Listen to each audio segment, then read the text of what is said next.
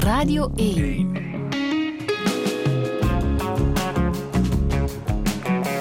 Douche. Met Friede Lesage. En met Sarah van Deurzen. Goedemorgen. Goedemorgen, Friedel. Hoe gaat het? Goed. Ja, prima. Goh, een beetje te veel gebabbeld, denk ik, de laatste tijd. Zoals dat je misschien ook hoort aan mijn stem. ik ben zelf een beetje beu gehoord, maar... eh, Gebabbeld over Sarah in Wokeland. Ja, onder andere, inderdaad. Ja, het is een gevoelig thema, hè? En Ja. iedereen wil weten wat jij daarvan denkt. Ja, wat eigenlijk totaal niet de bedoeling is, want dat maakt echt niet uit de zoveelste mening daarover, eigenlijk. Ja. Te zien op eh, VRT Canvas en eh, VRT Max. Maar hoe zijn de reacties? Ehm, ik, ik heb eigenlijk vooral hele leuke positieve reacties gekregen. Eigenlijk. Eh, heel veel haat is er waarschijnlijk ook online, maar eh, ik ben me niet gaan verdiepen eh, daarin. Je noemt jezelf geen expert, geen woordvoerder van woke. Zeker want dat wil je echt niet zijn. Nee, nee, nee. nee. Ik, heb, ik zie het zelfs mijn werk. Ik heb eigenlijk het voorrecht gehad om mij in die zeer complexe materie een beetje te verdiepen. Ik heb gepoogd geen standpunt in te nemen. Ik heb zelf heel veel geleerd. Dus ik ben zeker totaal niet per se nu totaal kundig op dat vlak. Eigenlijk. Behalve dat ehm, ben je ook terug bij eh, de ideale wereld. Hè? Je hebt daar Eh, ja. comeback gemaakt. Ja, ja. Eh, wel, ja het, is nog een beetje, het is nog een beetje zoeken. Ik ben daar nog niet zoveel geweest. Maar ja, ik heb vooral hoesting om, om weer leuke dingen te doen. En heel Het goede moment, hè, want ze zijn tien jaar bezig. Ah ja, ze vieren een heel jaar feest. Hoe Dus kunnen ze jij dat mij dit- doen? dit mag ik toch niet missen. Hoe zou jij jezelf omschrijven, Sarah? Ja, dat is een moeilijke vraag. Hè. Ehm, ja, puur waarschijnlijk door, doordat ik uh, Wokeland heb gemaakt. Ehm, ik vind altijd de bange blanke man eh, heel grappig. eh. dus dan eerder een niet bange witte vrouw dus. Aha. Ja, ik weet niet, ik weet niet wat ik over mijzelf Is dat, is dat duidelijker geworden door Wokeland te maken? Ehm, ja, omdat toch ook wel, er is heel veel angst, denk ik. Eh, angst om dingen verkeerd te doen, angst eh, voor verandering. Eh, angst blijft toch wel een, eh, een serieus aanwezig ding in onze maatschappij, eh, heb ik vastgesteld. Mm. Ik vind dat moeilijk soms om mee om te gaan. Bij jou is het denk ik ook alles of niets. Klopt Ja. dat? Ja, zeker. Was Zeker. dat ook in Wokeland zo? Eh, wel, dat heb ik daar wat minder proberen doen, of toch niet naar voren la- laten komen, omdat eh, het gaat daar niet over mij. Ehm, dus alles of niets, dat zou een beetje willen zeggen dat ik dan toch een of ander standpunt inneem, denk ik. Mhm. Dus daar, daar heb ik dat toch proberen naar de achtergrond te duwen. En dat voelde ook oké eigenlijk. Wat gebeurt er als ik zeg dat jij een BV bent? Oh, ja, nee. dat is een beetje hetzelfde als bij het woordje woke, dan krimp ik in principe een beetje ineen. Ja. Ja. ja. Eh, goh, nee. Het is niet dat jij dat wil zijn, een bekende Nee. Vlaming. Nee, nee. Maar toch, je bent het. Dat is eh, ja, een deel van de job. Zeg je ook geen BV trouwens, Friedel? Dan? Ik zit, ik zit op de radio. Dan wel. zien ze mij niet. Tegenwoordig zijn er toch ook wel heel veel radiofiguren totaal BV. Terecht, hè? Pas op. Maar je hebt daar wel iets. Mensen verwachten misschien iets anders Ah ja. van jou, omdat je zogenaamd een bekende Vlaming bent. Ja, dan moet je... En dat is niet wat je wil geven. Nee, nee dat, is, dat is nu natuurlijk wel... Ik heb dan een neiging, doordat ik het dan begrijp wat ze van me willen, dat ik dan... Dat is dat stomme puberale kantje dat ik waarschijnlijk voor de rest van mijn leven ga hebben, om dan het eh, tegenovergestelde een beetje te doen. Vanaf als ik weet wat er van mij verwacht wordt, dan kan ik daar niet zo goed... eh, ah ja, als BV, hè. Ja. Dan zo gezegd, of als eh, tegen dat ik een voorbeeldfunctie heb, of eh, daaraan moet voldoen, of dat mijn haar nooit vettig mag zijn, bijvoorbeeld, op tv. ja, ik, ik kijk op zo'n ding dan eigenlijk. Dat Ja. ik weet van, ah, mijn haar was toch wel een beetje vettig, ook. Genieten. Ben jij in werkelijkheid ook een beetje verlegen? Ja, eigenlijk wel. Hoezo weet jij dat? Je voelt dat aan Ah, ja, mensen? ja, ja, ik ben eigenlijk wel best verlegen. eh, ja. Dus werken voor televisie is, is eh, toch jezelf een beetje overtreffen dan? ja, en daarom doe ik het waarschijnlijk ook graag, omdat het zodanig eh, uitdagend is. Of een, ja, een gigantische knop die je moet omschakelen. ja, dat lukt. Dat is, dat is een beetje als een podium betreden. Hè. Bij Kenji Minogue was dat zeer radicaal dan de knop maken. Maar als ik na een optreden van Kenji in de zaal kwam, dan keek ik echt gara- gegarandeerd naar de grond. eh, met in mijn hoofd, oh my god, wat heb ik nu net gedaan? En die mensen hebben dat gezien. Oh. Er zijn ook mensen die jou intimiderend vinden. Ja, dat heb ik al vaak gehoord. Dat, ja, dat is jammer. Dat is niet de mijn Waarmee heeft dat te maken, denk je? Goh. Eh, omdat ik waarschijnlijk omdat ik niet... En dat ik inderdaad uitstraal dat ik niet bang ben of zo, Ja. denk ik. Rad van tong? Ja, Sterke humor? niet altijd nogthans. hè. Eh, ja, het idee dat ik mogelijk ook een beetje grappig ben. Dat is als vrouw soms voor een man toch nog altijd een beetje... en Dat is niet sexy. En je gaf ooit een uitleg dat het lag aan jouw wenkbrauwen. Ja, ook. Ja. Hoezo? Wel, ehm, puur fysiek staan mijn wenkbrauwen zeer dicht bij mijn ogen. Ah, Dus ga ik eens demonstreren. Ik weet bijvoorbeeld, Ja. als ik intimiderend wil kijken naar iemand, dan ga ik gewoon een klein beetje naar beneden. Zie je het, zie het gebeuren? Ah, oké. Ja, ja, ja. en dan zitten mijn ogen eigenlijk net Tegen jouw wenkbrauwen. tegen mijn wenkbrauwen. Ah. Terwijl blijkbaar, als je een mooie open blik en dus een niet eh, intimiderende blik hebt, dan heb je genoeg ruimte tussen je wenkbrauw en je oog. Ah, En daar zit ook nog eens dat een, een, een litteken tussen die wenkbrauwen. Inderdaad. Zie je dat van ver? Een beetje. Is het waar? Ja. Oh ja, ben ik heel, maar het heel is blij omdat je het mij hebt gezegd. Ja, dat. Anders was het mij nooit opgevallen. Ja, dat is waar. Ja. Heel veel geluk had eigenlijk. Ja, ik was ehm 12 jaar en eh, aan het eh, rondlopen op de boerderij van mijn eh, overgrootouders. Ergens in de diepe West-Vlaanderen. En eh, ik denk tikkertje aan het spelen of zo. En dan niet goed uitgekeken en eigenlijk echt met mijn totale hoofd tegen eh, de prikkeldraad gelopen. Oh, Dus ik was echt eh, Edward Scissorhands eh, op school voor een paar weken. Indrukwekkend. Redelijk heftig. En eigenlijk heel veel geluk gehad, want het is zo net tussen mijn ogen, maar ik heb zo één kleintje ook net onder mijn eh, rechteroog. maar je ogen waren niet geraakt. Mijn ogen waren niet geraakt. Mijn blik op de wereld bleef. Gelukkig. Wat is jouw levensmotto? Ehm, waarom niet? Denk ik. Ja, ik, ja, ik, hou- ja, ik hou niet zo hard van motto's, maar als je mij dan toch vraagt, dan is het toch wel waarom niet. Waarom niet? Ja, met een vraagteken. Of een uitroepteken. Welkom in Touché, Sarah van Deurs. Dank u.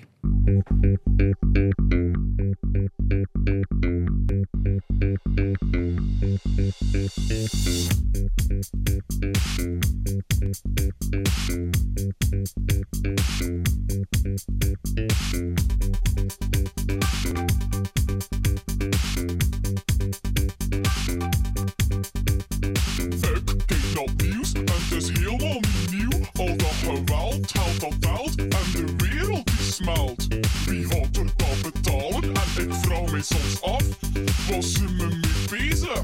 Denk daar eens over na. Ik verkast van terras, bestel een goed glas, maar het smaakt bijzonder bitter, dus ik zet het op Twitter.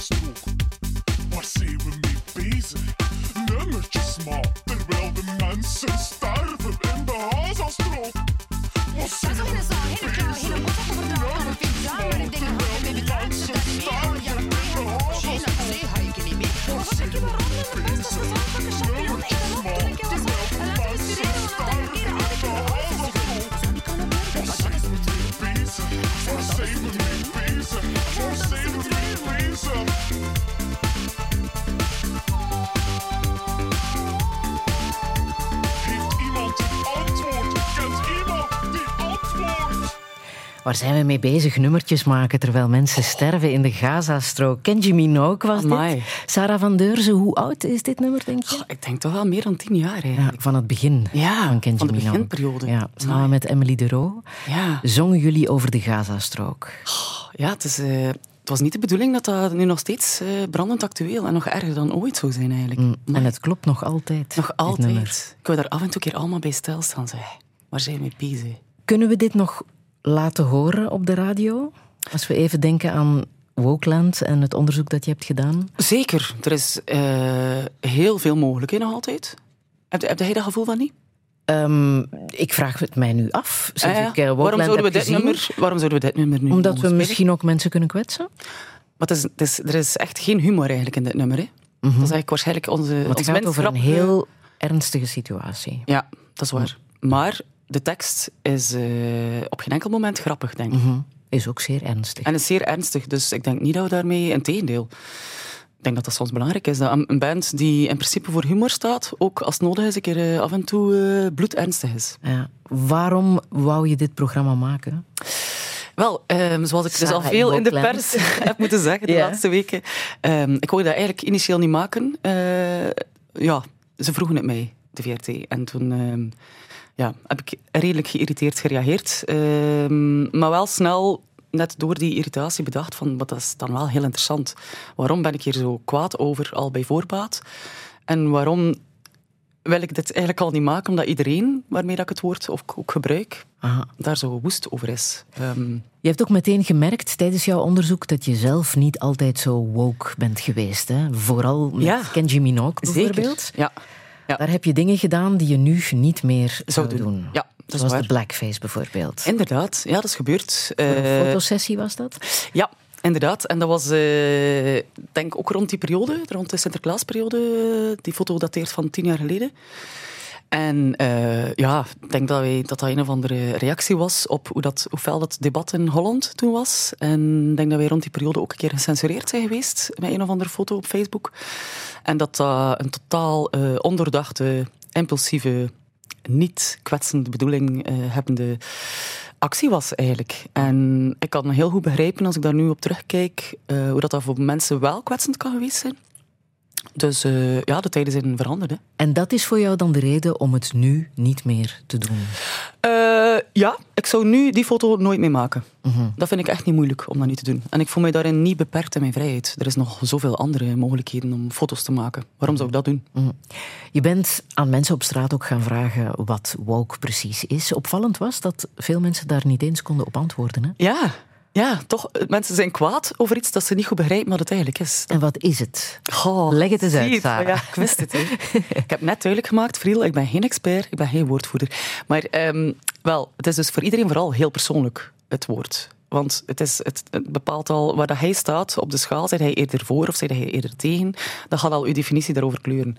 Als hij tegen zit, gaat hij zeggen: Oh, die fucking eh wokies met een onverdraagzaam, we mogen niks meer. Allee, dat is dan uw definitie van woke. Terwijl als je eerder voor bent, bijvoorbeeld, zou ik kunnen zeggen. eh, ja, we zijn een beetje af en toe mensen bewust aan het maken van het feit dat er eh, nog veel onrecht is en sociale ongelijkheid. En eh, wees je daar gewoon bewust van. En Dat dat, daarop gereageerd mag worden. Ja, het is dat. We mogen eigenlijk, eigenlijk is het een, een, een uitbreiding van vrije meningsuiting, want die men, de gediscrimineerde groepen werden heel lang niet gehoord. Maakte gewoon niemand iets uit wat die dachten. En ik zie dat als een positieve evolutie, namelijk eh, zij hebben nu ook een stem en het maakt ook uit. En dat is blijkbaar nog zo voor veel mensen heel moeilijk soms om mee om te gaan. De term bestaat ook al langer, hè? Ja, Komt uit Amerika. Blijkbaar, ja. Ja, ja. Is eh, overgewaaid. Het is in Amerika een veel fellere beweging, uiteraard. Eh, maar voilà, daar kan ik voor het niet heel veel context bij geven. Ah. Snap je? ja. Daar stopt het Maar wat ook. ik heb geleerd is dat het ook bij ons ook al veel langer Ja, ehm, gekend was. dat wist ik dus ook niet. Nee. De Vlamingen die zich moesten ja, weren tegen, de, tegen de Franstaligen. Ja. Ja, En daar ook hun grenzen hebben gesteld en Ja, gevraagd wij om gerespecteerd blijkbaar. te worden als goed? Vlaming met hun eigenheid. Ja. Zo simpel is het eigenlijk. Dus dat is allemaal niet zo moeilijk. Hè. ja. Ik, zie er, ja, ik zie er heel veel eh, schoonheid eigenlijk in. Als een, ik, ik zie soms vaak het probleem niet. Ik ben niet... Ik heb nog geen enkel moment gehad dat ik het gevoel heb dat ik iets niet mocht zeggen of iets moet doen of... ja, het is heel veel nuance en veel complexer geladen. Het is gewoon eigenlijk vooral een advies, want dan maakt u zo gezegd aan woke als jij bereid bent of hoesting hebt om bijvoorbeeld mensen niet meer te kwetsen. En daar eigenlijk met die gevoeligheden rekening willen houden. Dat is eigenlijk gewoon een uitnodiging. Je moet niet, hè. En het feit dat het zo'n beladen term is geworden, dat um, is misschien wel de schuld van de media en de politiek?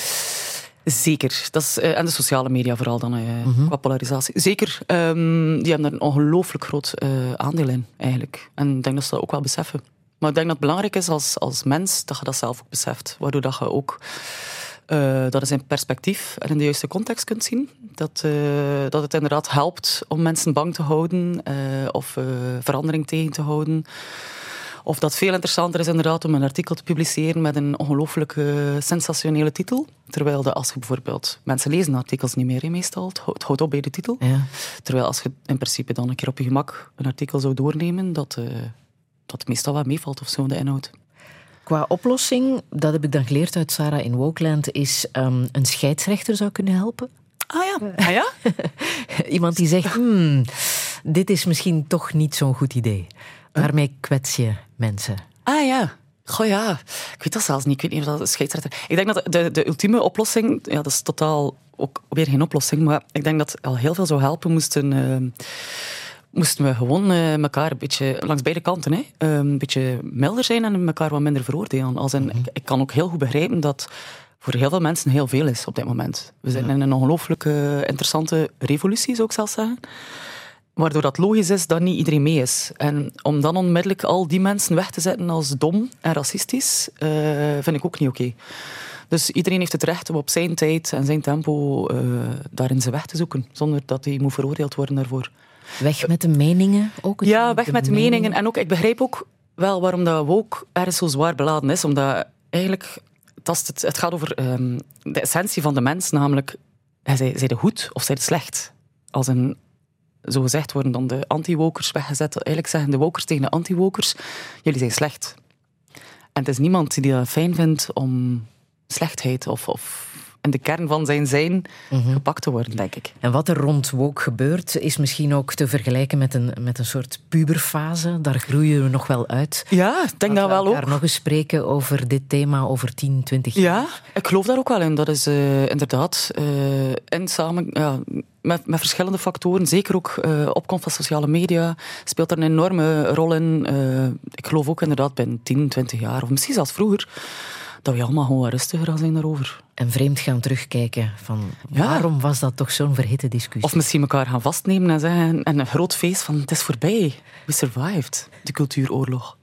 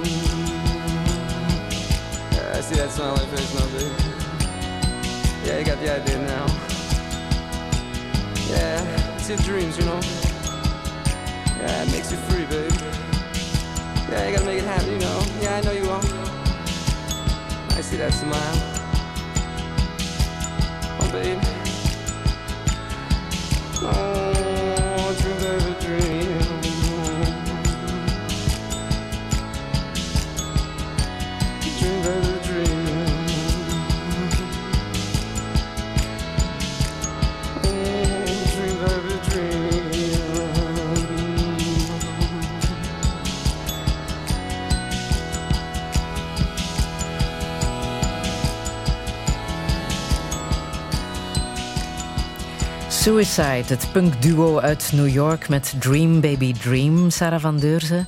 Sterke tekst, hè? Heerlijk. Ja, simpel, hè? Heel helder vind ik het. Ja. Ja. Waaraan moet jij denken als je dit nummer terug hoort?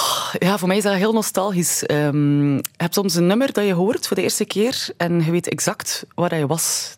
Ja, als je het tien jaar later hoort. Ja, Dus ik, en eh, waar was je? Wel, het, was, eh, dus het is twaalf jaar geleden in dit geval. Ehm, en ik, eh, ik was blijven slapen op een, een huisfeestje.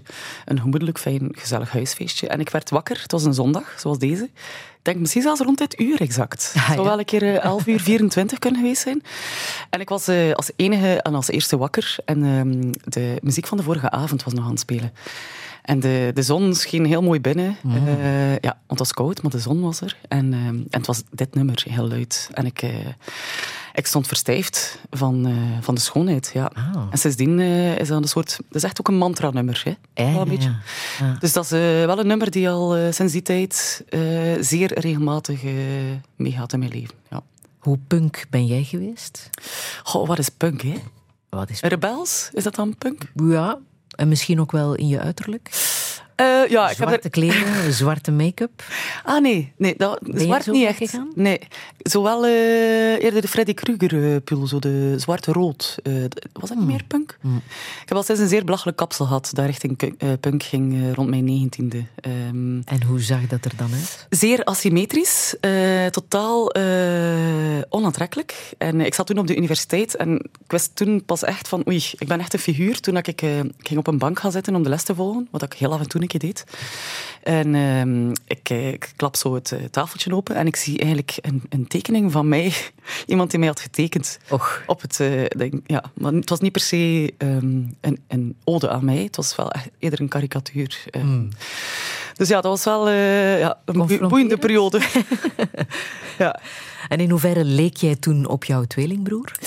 Ehm, wel, wij hebben eigenlijk altijd, volgens sommige mensen, maar volgens de meesten niet van uiterlijk eh, op elkaar geleken, maar wel van innerlijk eh, lijken wij wel heel sterk op elkaar. Ik weet nog goed dat hij eh, ook weer in datzelfde eerste jaar eh, op kot of zo, dat hij eh, zwaar levensverdriet had en dat je dat dus ook echt voelde. Hmm. Dat was echt buitensporig eh, pijn die ik voelde, die eigenlijk in principe niet van mij was. En dat ik wel denk van, hm, zou dat dan de tweelingconnectie zijn of zo? Ja, En? ook wel bizar. Ja? Ik weet niet, ik heb er geen onderzoek naar kunnen doen. eh ik werd niet betaald. Dus, eh, Het komt misschien nog. ja, ja, het is dat. Maar hoe bijzonder is het voor jou dat je de helft van een tweeling bent? Ehm, goh ja, bijzonder. Ja, dat- ik, vind, ik vind dat bijzonder. Ehm, maar in welke mate dat, dat mijn leven nu bepaalt, ik kan het natuurlijk niet vergelijken eh, hoe dat anders zou geweest zijn of zo. Maar het is wel speciaal, ja. Want wat weet je over jullie geboorte? Ik was eerst. ah ja, ja, ja, het was wel een beetje moeilijk. Als een, ik eh, zat natuurlijk samen met hem in de buik. En eh, ik was compleet ondervoed. En hij was zeer gezond eh, naar buiten gekomen. Dus ik was 1 kilo 800, zo een lekker vleesbroodje uit de oven. En hij kwam zeven minuten later en was ja, perfect klaar voor de wereld. Maar Dat is dan toch voelbaar geweest op een Ja. manier? Tuurlijk, tuurlijk. Ik, ben zes weken in de couveuse geweest, denk ik zeker. Ehm, ook veel te weinig aangeraakt, eh, denk ik. Ik snap, ah ja, ik snap al hoe dat zoveel dingen... eh, ik hou enorm van aanraking en ik denk dat dat er ook eh, wel mee speelt. eh. Ja. En zijn jullie als tweeling ook opgevoed, opgegroeid? Ehm, Ik denk dat we het voordeel hebben gehad, of ja, nadeel, dat we een jongen en een meisje waren, waardoor dat, eh, het idee van dezelfde kledij eh, redelijk snel overboord eh, is gegooid. Gelukkig. Eh, nee, dat denk ik eigenlijk niet. Ik ben eerder benieuwd hoe dat mijn eh, andere broer dat dan mogelijk heeft ervaren. Nooit gevraagd? Nee, Is die ouder of jonger? nee die is jonger. Dus Ah. wij waren eerst en dan een jaar en een half later was hij daar. Dus ik denk dat hij, ja, dat wel misschien interessanter is voor hem om te weten eh, of dat hij zich ooit eh, heeft benadeeld gevoeld of zo. Ja. Of een andere Zij band. met eh, twee. ja. Ja, en ik Maar zij hadden dan wel weer het voordeel dat ze twee jongens waren, waardoor dat, dat ze natuurlijk zich ook weer tegen mij kon afzetten. Ja. Dat is nodig. Hè. En hoe, welke herinnering primeert als jij terugdenkt aan jouw kindertijd? Eh, goh, ja, dat is, dat is wel een moeilijke. Ehm, ja. Ehm, ja, hetgene dat natuurlijk mijn, leef, mijn leven het meeste heeft gekleurd, is eh, helaas het feit dat, ik- verkracht ben op mijn negen jaar. Eh, wel. En ik ben daar pas vorig jaar eigenlijk klaar voor geweest om dat te erkennen. Ik heb ja, tot een paar jaar geleden nog wel... Het woord aanranding was ik al klaar voor. Maar nog niet voor de, ja, de zware lading bij het woord verkracht kon ik echt niet... ehm, Dat heeft Niet zo plaatsen. lang geduurd ja, ja, voor je dat echt kon. ja. Ja, ik ben eh, ja, eerder al in therapie geweest of zo, maar ik, ja, dat was toen eh, psychoanalyse. Waardoor ik eigenlijk, zolang dat ik het zelf niet benoemde, eh, hoefde het daar ook niet over te gaan of zo. Dus ik dacht, ah ja, ik zit bij aanranding en eh, oké. Dus ik be- begon wel al bepaalde dingen van mezelf eh, zo wat te begrijpen beter. Ehm, en dan vorig jaar, eh, door door te hebben dat er toch like, nog wel zo dingen speelden, ben ik eh, in zeer stevige gesprekstherapie geweest, met eigenlijk de bedoeling om dan EMDR te doen. Dat is zo eh, ja, een heel specifieke traumatherapie. En dat heeft mij eigenlijk totaal bevrijd. Het is heel heftig geweest. Eh, ik heb even heel diep gezeten. Ehm, dat was eigenlijk ook net het moment dat de opnames voor Wokeland moesten beginnen. Maar die heb ik gelukkig zo wat kunnen eh, ja, opschuiven. Dat is uiteraard begrepen dat ik je eerst even hier door moest. En dan, ehm, ja, ongelooflijk, ongelooflijk bevrijding. Ik ben op, ja, midden in februari ben ik naar beneden gewandeld, thuis, eh, met de zin in mijn hoofd. Ik ben verkracht. En ik, ik bleef daar rustig onder.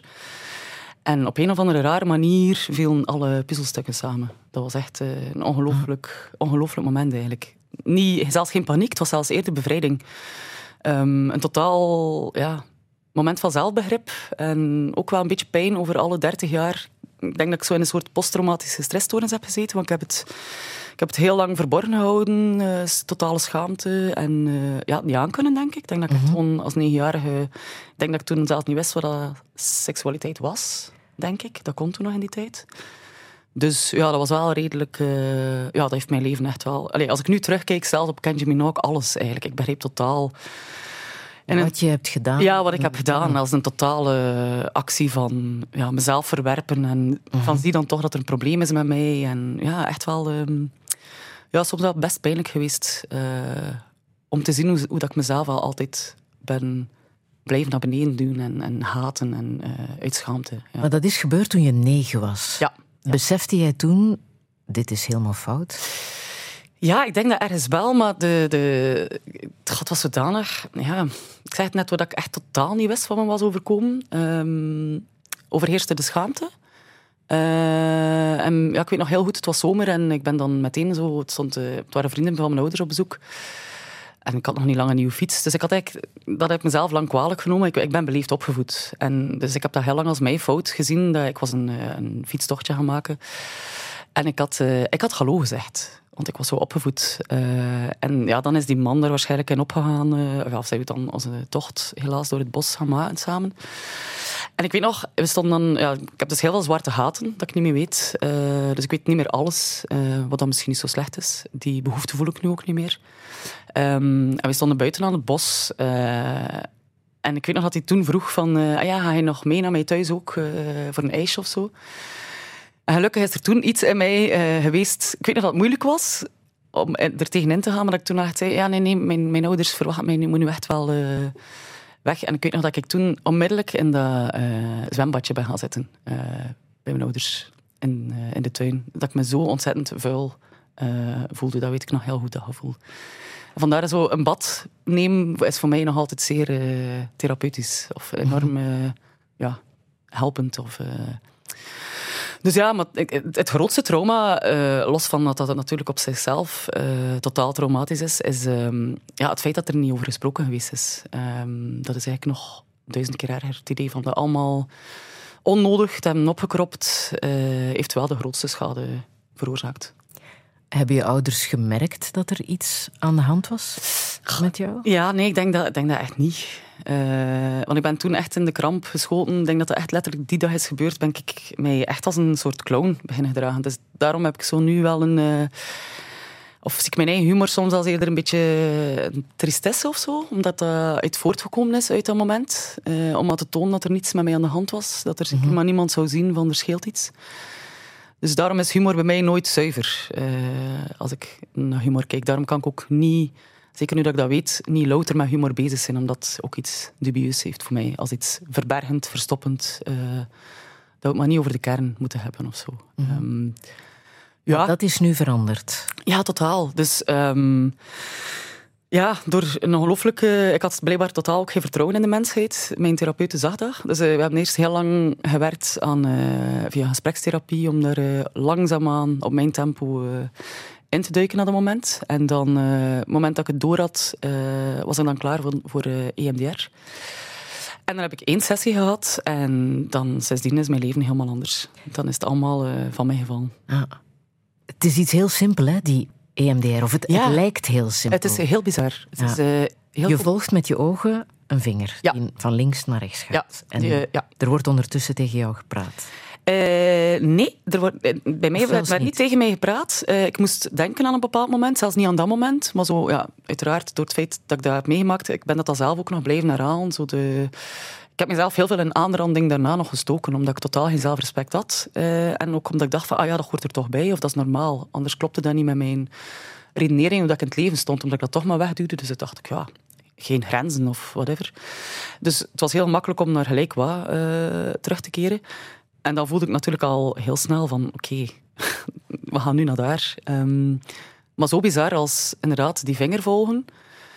En een minuut voordien zat ik nog te glimlachen of zo van, oké, spannend. En dan eh, bij de tweede keer dat ze dat deed, eh, ja, dan vroeg ze, dus ze vraagt heen en weer, heen en weer. En dan vraagt ze welk gevoel dat er was. En dan bij de tweede keer was er al een ongelooflijk vanuit het diepste dat ik ooit gevoel- gevoeld heb, ben ik echt extreem hard beginnen huilen. Echt, ik heb nog nooit vanuit zo diep dat naar boven voelen komen. eh. dus dat is waarschijnlijk de pijn die daar nog zat van 30 jaar geleden of zo. Dus aan alle mensen die ooit zoiets hebben meegemaakt, het is echt nooit te laat om, om daarover te praten of daar eh, iets mee te doen. Het kan.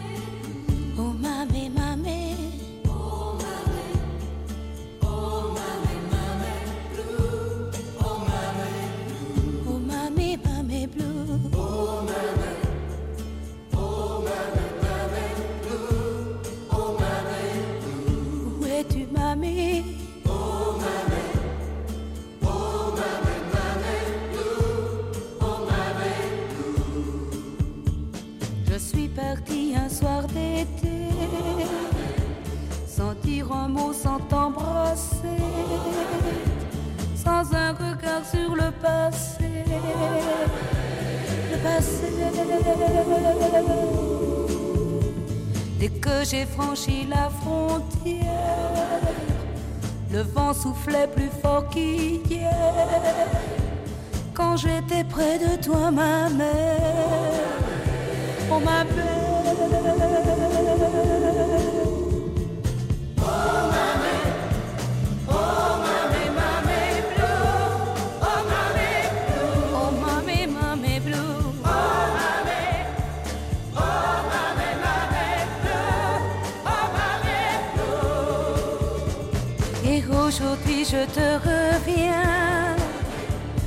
Et j'ai refait tout le chemin Qui m'avait entraîné si loin Oh si loin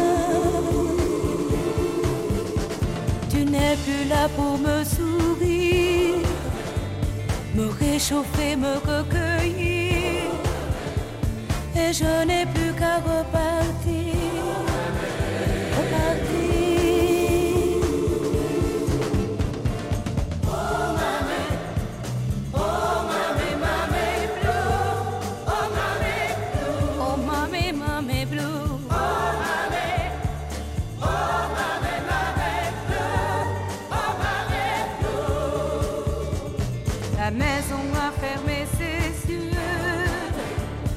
chat et les chiens sont très vieux et ils viennent me dire adieu, adieu.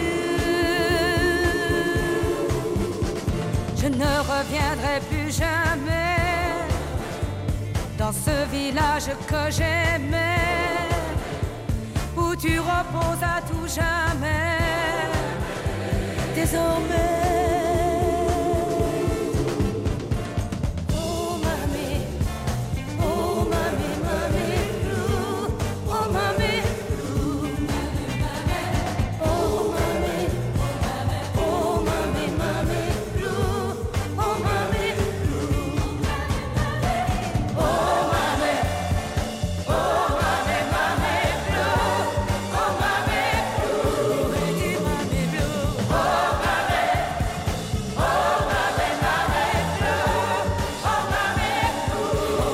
Is door velen gecoverd. Julio Iglesias, Céline Dion en Dalida. Maar dit hier was de Echt? versie van, eh, ja, van Nicoletta, Mommy Blue. Had ik dat geweten, had ik toch voor de versie van Julio Iglesias gekozen, denk ik. Nooit gehoord. Maar deze is toch ook wel eh, fantastisch. Prachtig, prachtig.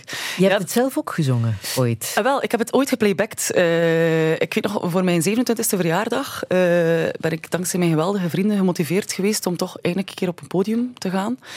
En eh, heb ik een eh, live radioshow eh, gedaan, een voorstelling, ehm, in een klein zaaltje. En eh, ik had een, eh, ja, een sidekick die ik redelijk constant vernederde. Ehm, dus ik was een zeer pedante, wat je dus totaal niet bent, Friedel, een zeer Ah. pedante eh, radiopresentatrice. En ehm, het, de voorstelling opende met, met dit nummer. En ik was heel hard aan het playbacken. En vooral de tremens, de, de kin dat je alle kanten kunt uitsmijten bij dat nummer. Dat is heel fantastisch. En waar had je de inspiratie vandaan voor die voorstelling? Oh, ik weet het eigenlijk niet meer zo goed. Ergernis denk ik toch ook wel. Ja, Ja, ik ja. denk het wel. Zal ik jou toch een beetje helpen? Ja, Had weet het iets te maken met jouw dictielerares? Oh ja, ja zeker. En hoe heet die? Tuurlijk. eh, die heette... Oh my god. Magda Lesage. Dat is toch geen familie van jou? Nee. Oh, oh amai, nu ging, dat ze nu even ook ging binnenkomen. Oké, ja, ja, ja. Is dat familie? Nee. Nee, nee, Ah, nee, nee, nee. Eh, ja, ik heb ooit een... eh, pas op, heerlijk figuur. Hè. Die, die vrouw was echt heerlijk. Maar tegelijkertijd is ook... Ja, dat kan. Hè. Heerlijk en irritant ligt soms ook eh, dicht bij elkaar. Ehm, ja, die was iets te geaffecteerd. Ik moest ook van die redelijk oudbollige gedichten als een... ik heb de witte waterlelie lief.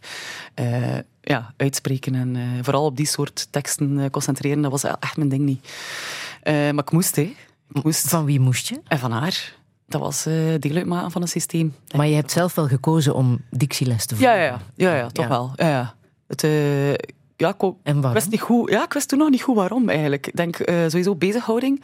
En ehm, ja, ook wel omdat ik wel toen al regelmatig een keer met mijn ouders naar een, een theatervoorstelling of zo was gaan kijken.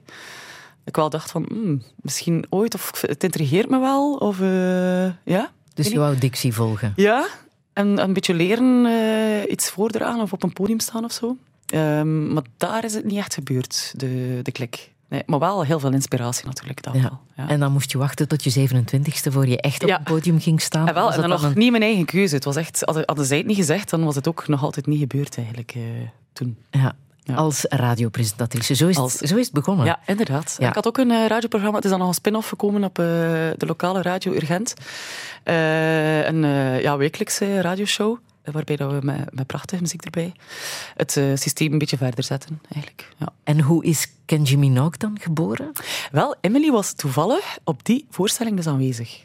Jouw compaan, hè? Mijn compaan, eh, Emily de Roo, dus eh, de geweldige... de andere helft van de De geweldige helft, de tofste helft misschien wel, eh, was dus toevallig ook bij die voorstelling de eerste keer op, dat ik de eerste keer op het podium stond aanwezig. Ik zo nog is altijd niet zo goed hoe dat, dat kwam.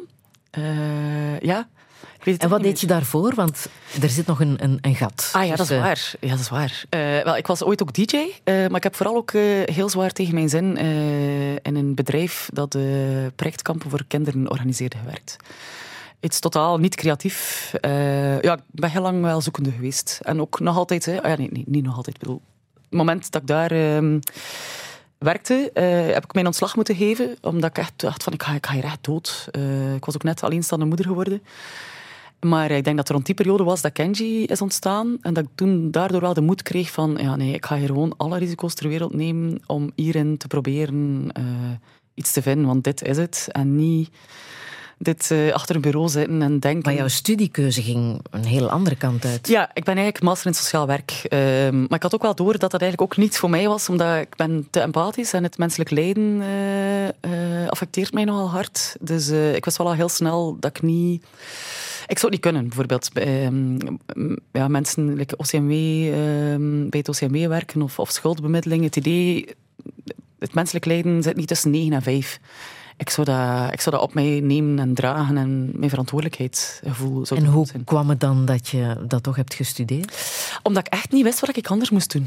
Ik had echt totaal geen idee. Ik ben ook eh, het eerste jaar dat ik ging gaan studeren, was het nog erger. Dan ben ik echt gewoon dezelfde richting als mijn tweelingbroer gaan doen. Sociale en politieke wetenschappen. En ik haatte politiek, dus dat was totaal misplaatst. Maar ik had echt gewoon geen idee.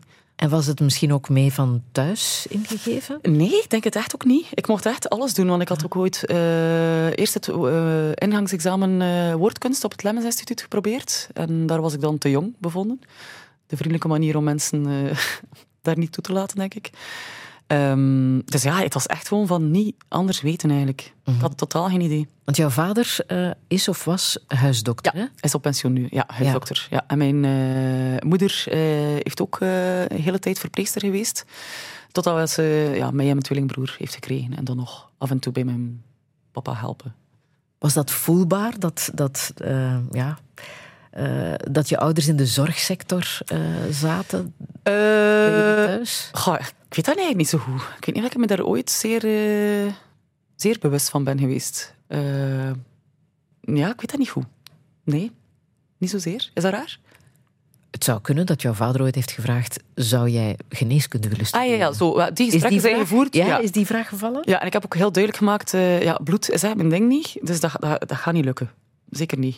Ik denk dat hij misschien wel echt ook teleurstelling heeft gevoeld dat geen een van ons de praktijk, waar dat hij al zijn eh, energie heeft ingestoken, niet is verder gezet of zo. Aha.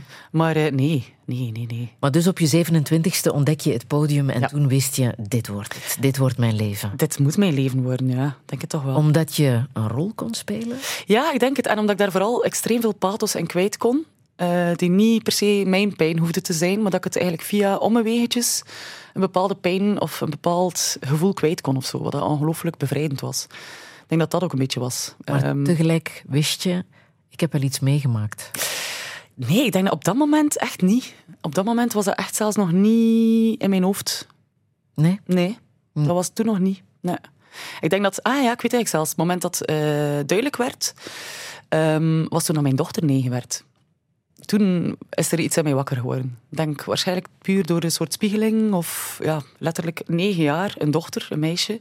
En toen is het echt begonnen. Dus dat is, eh, ze is nu vijftien, dus ja, dat is zes jaar geleden. Het besef van: ik was zo oud. Ja, toen er is iets gebeurde. gebeurd. Er is iets gebeurd dat niet klopt. En eh, ik moet duidelijk eh, daarover gaan praten, want er is een, ja, een totaal te grote zelfhaat of, of eh, ja, worstelen en, en ja, te veel melancholie en zwaarmoedigheid. En wat is dit? En terwijl ik ben bezig met humor, en wat ben ik, wat is dit eigenlijk? Mm. En die zelfhaat, hoe, hoe uitte zich dat dan? Ehm, ik heb mezelf vooral kapot gerelativeerd. eh, en ja, mezelf nooit serieus genomen. eh, net door vaak ook belachelijk te doen eh, in de buitenwereld.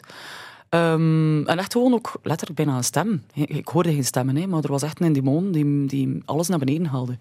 Wat ik deed. Ik was echt in niks goed. Niks, ja. En was het alleen dat? Of, of ben je ook verder gegaan in die zelfhaat? Ehm, goh, ja, ik, ik heb heel destructief geleefd, wel een periode. Veel te veel gedronken, eh, gesmoord. eh, ja, niet zorgen voor mezelf. Dat was niet nodig. Ja, ik verdiende dat niet, zoiets. Ja. Ja? Ja, Dat soort gevoel was het. ja, ja, om, ja. Ergens omdat er geen respect voor mezelf kon zijn, omdat ik ergens diep van binnen in mij wist dat er, dat er een leugen was. Dat ik niet in het reinen was met mezelf, waardoor dat ik ook geen respect kon hebben voor mezelf. Omdat ik haat ook leugens en ik haat mensen die niet eerlijk zijn. En ik was het zelf. Terwijl ik nog niet goed begreep wat dat was, hè, maar ik wist wel van er klopt heel hard iets niet. Dus eh, Je zegt, toen mijn dochter negen werd, besefte ik dat ik toch eens met iemand moest gaan praten. ja, Ehm, hoe was dat dan om die stap te zetten? Eh, geweldig eigenlijk. Ja, dat, soort, dat was al een eerste stap richting, eh, of weg uit eh, de zelfhaat. Het idee van eh, daarin zelf, het heeft mij niemand gezegd, hè, ook dat, dat ik het zelf beslist heb. Er waren zelfs geen vrienden zijn van, oeh, Sarah. eh, oh ja, tuurlijk, af en toe wel. Hè. Maar dat ik zelf effectief eh, hulp ben gaan zoeken, eh, was een eerste stap richting eh, zelfliefde en, en daaruit geraken. Dat was, wel, eh, ja, dat was meteen wel echt goed. Want ik geloof sindsdien ook, meer dan ooit, zeker het laatste jaar, we zitten allemaal, of we praten heel vaak over een, een vicieuze cirkel. En dat is meestal in een negatieve context. Maar er is ook zoiets, heb ik zelf ervaren, als een positieve vicieuze cirkel. En veel mensen die, die voor het net als ik vastzaten en, en denken van, oh, wat is dit? Het moment dat je één klein stapje doet en jezelf verrast, dat totaal niet eigen is aan u, maar richting positiviteit of iets eh, constructief en niet destructief. En zien van, wauw, dat is mij geweldig. Dat, dat zorgt voor een ongelooflijk sneeuwbaleffect van, ja, nu zit ik eigenlijk compleet vast in een positieve vicieuze cirkel. Want de therapie heb je vrij lang gevolgd. Hè? Ja, wel, eerst eh, ja, dus, eh, psychoanalyse, denk drie jaar of zo. En dan denken van, ah ja, oké, ik ben er. Het is, het, is, het is besproken en het is, het is eruit. Maar dat was niet. Maar dat was niet, nee.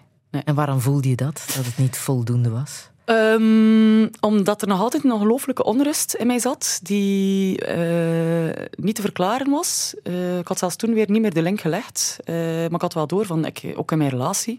Ik had eindelijk een geweldig lief. Dus voordien was ik ook niet in staat om relaties te hebben met mensen. En ik had eigenlijk, eindelijk een geweldig lief. En merken dat ik daar compleet bots nog altijd op eh, liefde geven, liefde krijgen, eh, vertrouwen eh, ook. En, en vooral enorm rap getriggerd door dingen. Enorm. Als een... Zoals? ja, ehm, misschien in mijn vrouwelijkheid, of ik weet het niet hoe. Ehm, heel rap een diepe pijn voelen, die niet eerlijk is. Of als die dat als zijn bedoeling niet was om iets te doen. Ja, rap wordt als hij een mopje maakt eh, over iets, en dat heeft daar vaag mee te maken met vrouw zijn of, of gelijk wat, dat, dat ik echt, dat er iets heel woest in mij eh, zat nog altijd. En toen dacht ik van, oei. En ik wist ook wel dat dat, eh, voor een groot deel aan mij lag. Dan degene die het conflict veroorzaakte of in stand hield. Dus dan wist ik van, oké, nee, ik wil dit niet. Ik wil harmonie. En ik wil eindelijk echt wel een keer rust vinden. En ik kan nu echt zeggen, ik heb rust gevonden. Dat is heel bizar. Is dat veertig geworden? Ik weet het niet. Misschien?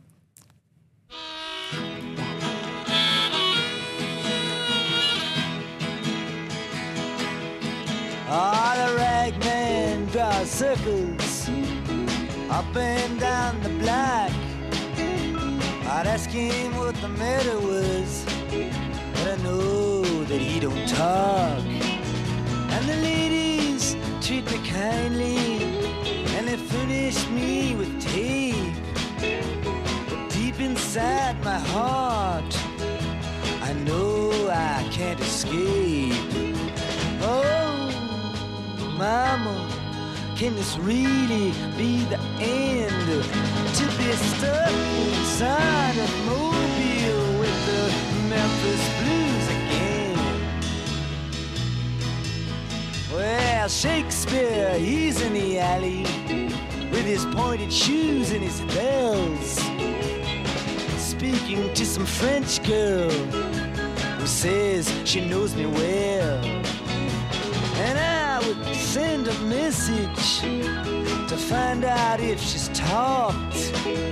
But the post office has been stolen and the mailbox is locked. Oh, mama, can this really be the end? To be stuck inside a mobile with the Memphis Blues again.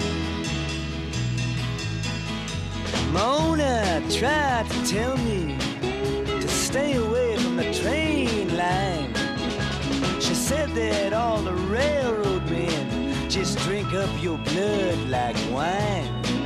And I said, oh, I didn't know that. But then again, there's only one I've met. Just smoked my eyelids and punched my cigarette. Oh, mama, can this really be the end? To be stuck inside a mobile with the Memphis Blues again. Grandpa died last week, and now he's buried in the rocks. Everybody still talks about how badly they were shot. But me, I expected it to happen. I knew he'd lost control when I speed built a fire on Main Street and shot it full of holes. Oh, Mama, can this really be the end? Be stuck inside of Mobile with the Memphis Blues again. Bob Dylan en Stuck Inside of Mobile with the Memphis Blues Again. Sarah van Deurzen, Friedel wat heb jij met, wat heb jij met Bob Dylan? Ja, ja, Bob Dylan is eh, toch ook wel een figuur daar al heel mijn leven eh mee gehad. Ik heb zo Ja? Blood on the Tracks voor mijn 18e verjaardag cadeau gekregen van mijn vader. Eh, ja, en sindsdien ben ik hem ook al live gaan bekijken. Eh, ja, die man maakt iets los bij mij. Toch wel. Kan je zeggen wat? Eh, goh. hij heeft zo'n heerlijke mix wel van. Die, die blijft niet eenzijdig voor één bepaald thema kiezen of zo. Of te- je kunt niet zeggen, heeft de meest romantische nummers geschreven, maar tegelijkertijd ook wel. Dus snap je, hij is. Het is, goh, ik vind het zo moeilijk om hem te omschrijven. Hij, hij- hij heeft ja, op alle domeinen is eh, zeer rebels. eh, maar hij heeft de mooiste, het mooiste liefdesverdriet kunnen in nummers omzetten. Of zo van die dingen. Dat vind ik ongelooflijk. Ja. Het is ook als mens, het is niet alleen als artiest. Ja, maar dat weet ik niet, want ik heb hem nog nooit ontmoet. En voor hetzelfde geld die... Documentaires over gezien? Nee, nee, Nee. zelfs niet. Nee. Nee. Ik probeer dat een beetje te mijden, maar ik zou niet willen eh ontgoocheld raken in zijn, zijn mens zijn of zo. Ik, Waarover gaat dit nummer trouwens? Stuck Inside of Mobile with the Memphis Blues Again. eh, ik moet eerlijk zeggen, ik zou het eigenlijk niet weten. Nee. Nee, het is waar. Ik, het Het antwoord... is ook eh, gebruikt bij een film, hè? Een Ja, film die, ja, ja. die je Dus- uiteraard ook hebt gezien. Ja, het, komt wel, eh, het staat op de soundtrack van een, van een van mijn favoriete films, Fear and Loathing in Las Vegas. Ja. Dat En dat is een eh, roadtrip, dacht ik, Ja. die film? Ja, ja, ja. Van, de, van Hunter S. Thompson en eh, zo'n beetje die wereld. eh, ja, een heel geschefte film. Ik heb die op één avond een keer drie keer naar elkaar bekeken. Een roadtrip naar Las Vegas. Totale waanzin. Aha. Ja. Heb jij iets met Las Vegas? Ja, eigenlijk wel. Ik, eh, wel mede door die film eh, was ik enorm gemotiveerd. eh, toen ik afgestudeerd was, ben ik twee maanden naar Amerika getrokken met mijn toenmalige lief, de vader van mijn kind, van mijn prachtige dochter. Ehm, en daar twee maanden rondgetrokken, eigenlijk gelift voor een groot deel, het meest avontuurlijke ooit. En getrouwd in Las Vegas. Eh, we hadden afgesproken van, kijk, als onze relatie, onze prille relatie, dit overleeft, dan uh, ja, ons vliegtuig steeg op uh, uit Las Vegas twee maanden later. Dan moeten we trouwen. En dan hebben we dat gedaan. Maar niet officieel gemaakt in België. Dat kun je dus. En een, een week later, uh, terug in België, bleek ik dus zwanger te zijn van uh, Marilou. Oh. Ja. ja. En ik wist toen nog niet of ik kinderen wou eigenlijk. Als, ik, als ik zo wou, was zeker niet voor mijn dertigste, maar ik was 24 uh, op dat moment. Dus het was wel even uh, ja, cultuur- en natuurshock in één. Mm -hmm. Mm -hmm. Zullen we het daar uh, straks, straks nog iets uh, uitgebreid Toch over wel. hebben? Ja, graag. Over Marilou en Och. al die beslissingen die je toen moest nemen. Prachtig. Sarah van, Ze van Deurzen. We praten zo meteen verder. Radio 1.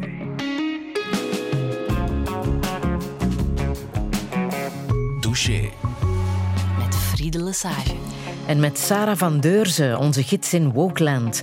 Zelf is ze een niet bange witte vrouw met meestal goede intenties. Als lid van Kenji Minogue deed ze wel eens niet zo woke dingen, maar ze heeft geleerd uit haar fouten. Ondertussen is ze 40 en zoekt ze de balans tussen humor en ernst, tussen loslaten en beschermen.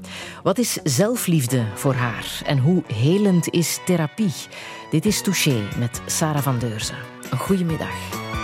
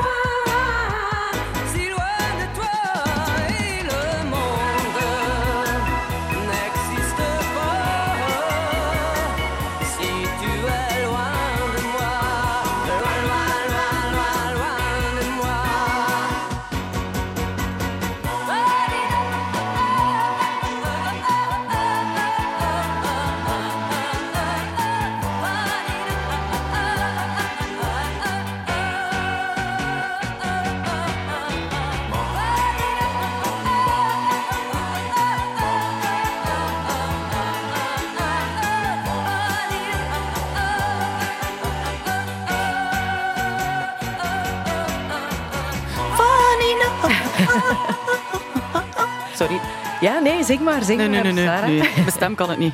Dave met Vanina, of hoe eh, Runaway wordt vertaald in Loin de Moi. Ja. Het is oorspronkelijk van eh, Del Shannon uit de 61, maar de Franse versie vind, ik veel beter. Ja, tuurlijk. Oh, Waar denk je aan als je dit terug hoort? Ehm, goh, ja, dat is like altijd wel een, een liedje geweest dat bij een eh, euforisch moment in mijn leven dat dat wel wordt opgezet eigenlijk. Je hebt ook een Franse periode gehad. Ja, ik ben, ik ben, ben enorm fan van eh, Franse chansons. eh. En hoe ver ging dat? Goh, wat is ver? Dat ik zelf wat meer research deed ook, die kanten uit en zo. Is dat al ver? Of? En dat, je niet eruit alleen zag, dat je eruit zag als een, een, een Ja, ja, dat was vooral voor een verkleedfeestje. Ik weet wat hij bedoelt. eh. Ah ja? Ja, ik- ja, dat was. Nee, ik denk, denk dat ik er in mijn verleden meer uitzag als dat figuurtje op die bank getekend dan als een eh, elegante Frans. Ah, moet ik eerlijk toegeven. Jeanne d'Arc, daar heb je ook iets mee, hè? Ja, ja, ik vind dat wel een. eh, intrigue- Als je vraagt welke historisch figuur eh, heb je het meest mee, dan is het toch wel Jeanne d'Arc, denk ik. Ja. Al strijdend Ja. ten onder. Ja, ja, prachtig toch? Ja? Ja. Nee, pijnlijk natuurlijk. Nee, nee. Maar qua inspirerend en, en zo, eh, ja, je smijten, eh, ongeacht alles. Ja, inspirerend. Dat eh, herken je wel, denk ik, hè? Jou Ja. volledig smijten op iets. Ja, ik ken, ik ken niets anders eigenlijk. Ik denk dat ik al bij voorbaat teleurgesteld ben in mezelf als ik, als ik mij niet kan smijten. Ja. Was dat ook als je begon aan eh, jouw podiumcarrière, zal ik maar zeggen? Ik gooi me op de humor. Ja. Ja. Hoe heb je dat gedaan? Hoe ben je daaraan begonnen? Goh, ehm, Research humor. gedaan? Nee, toch niet. Eh, eh, ja, goh, hebben we het dan over Kenji Minogue? Of, eh, Ja, toen over- je doorhad van ik, ik kan echt wel mijn beroep maken van... van eh, Maar dat heb ik niet zo... Ik heb nooit eens in gedacht al sinds, van hier Nee? kan ik mijn beroep... Nee, ik dacht eerder van hier kan ik toch nooit mijn beroep van maken. Dat heeft ja, tot heel lang, tot zelfs hier af en toe nog een keer. En waarom dacht je dat? Omdat je Ehm, vrouw bent? Nee, niet per se. Gewoon eh, omdat ik dacht van ja, dat is, dat is een toffe hobby. En ook niet omdat ik... Het is niet dat ik van mezelf vond van amai, ik ben hier zelf wel echt enorm goed in of zo. Maar je bent er wel goed in. Ja, maar toen was ik daar misschien nog niet zo klaar voor. Allee, als het dan over, ja, toen zag je dat niet zo, want toen was ik niet zo positief over mezelf. Dus dat was gewoon mijn dingetje en ik vond dat leuk om te doen met vrienden. Maar om daar dan echt inderdaad plots iets professioneel mee te doen, is toch nog, eh, nog iets anders. Maar is het moeilijk geweest als vrouw om Zeker. Zeker. geloofwaardig te zijn als comedienne? Ja, zeker. Eh, het is zelfs nog altijd raar om mezelf en het woord comedienne in dezelfde zin eh, te horen. Ja? Eigenlijk, ja. Maar ik vind het goed, hè. ik ben blij. Maar eh, ja, dat is, zeker, dat is zeker niet gemakkelijk geweest. Ehm, en dat zal nog altijd soms niet gemakkelijk zijn of zo. Alles, er is nog wel wat werk. Ja. Want zelfs dat, ik herinner mij jouw optreden in De Slimste Mens. je één aflevering hebt Ja. meegedraaid, denk ik. Maar die was wel zo legendarisch dat je er een contract bij Woestijnvis aan eh, overgehouden hebt.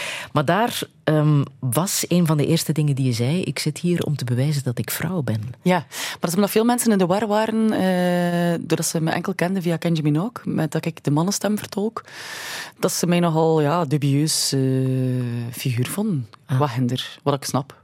Ja. Maar wat heeft dat met jou te maken? Met Sarah? Ehm, Het feit ja, dat je dat ook hebt gedaan, hè? dat jij die mannenfiguur speelde bij Kenny. ja, natuurlijk. Maar als we terugkomen op het vorige uur, het, heel veel vanuit mijn leven verklaart zoveel als een, een totaal verwerpen van het vrouw zijn. eh, zorgen dat er mij niemand aantrekkelijk vindt. Dat, dat ik ze allemaal maar veilig op een afstandje hou. Het intimiderende, ja, dat zit er allemaal uiteraard in. Dat komt zeker daarvan uit. Van dat er maar niemand dicht bij mij komt, eigenlijk. Als Met humor kun je bescherming. dat doen, hè. Ja. Zeker als vrouw. Dan, Ja. dan zijn je goed vertrokken. En heb je ook echt getwijfeld van ehm, wat is nu mijn gender?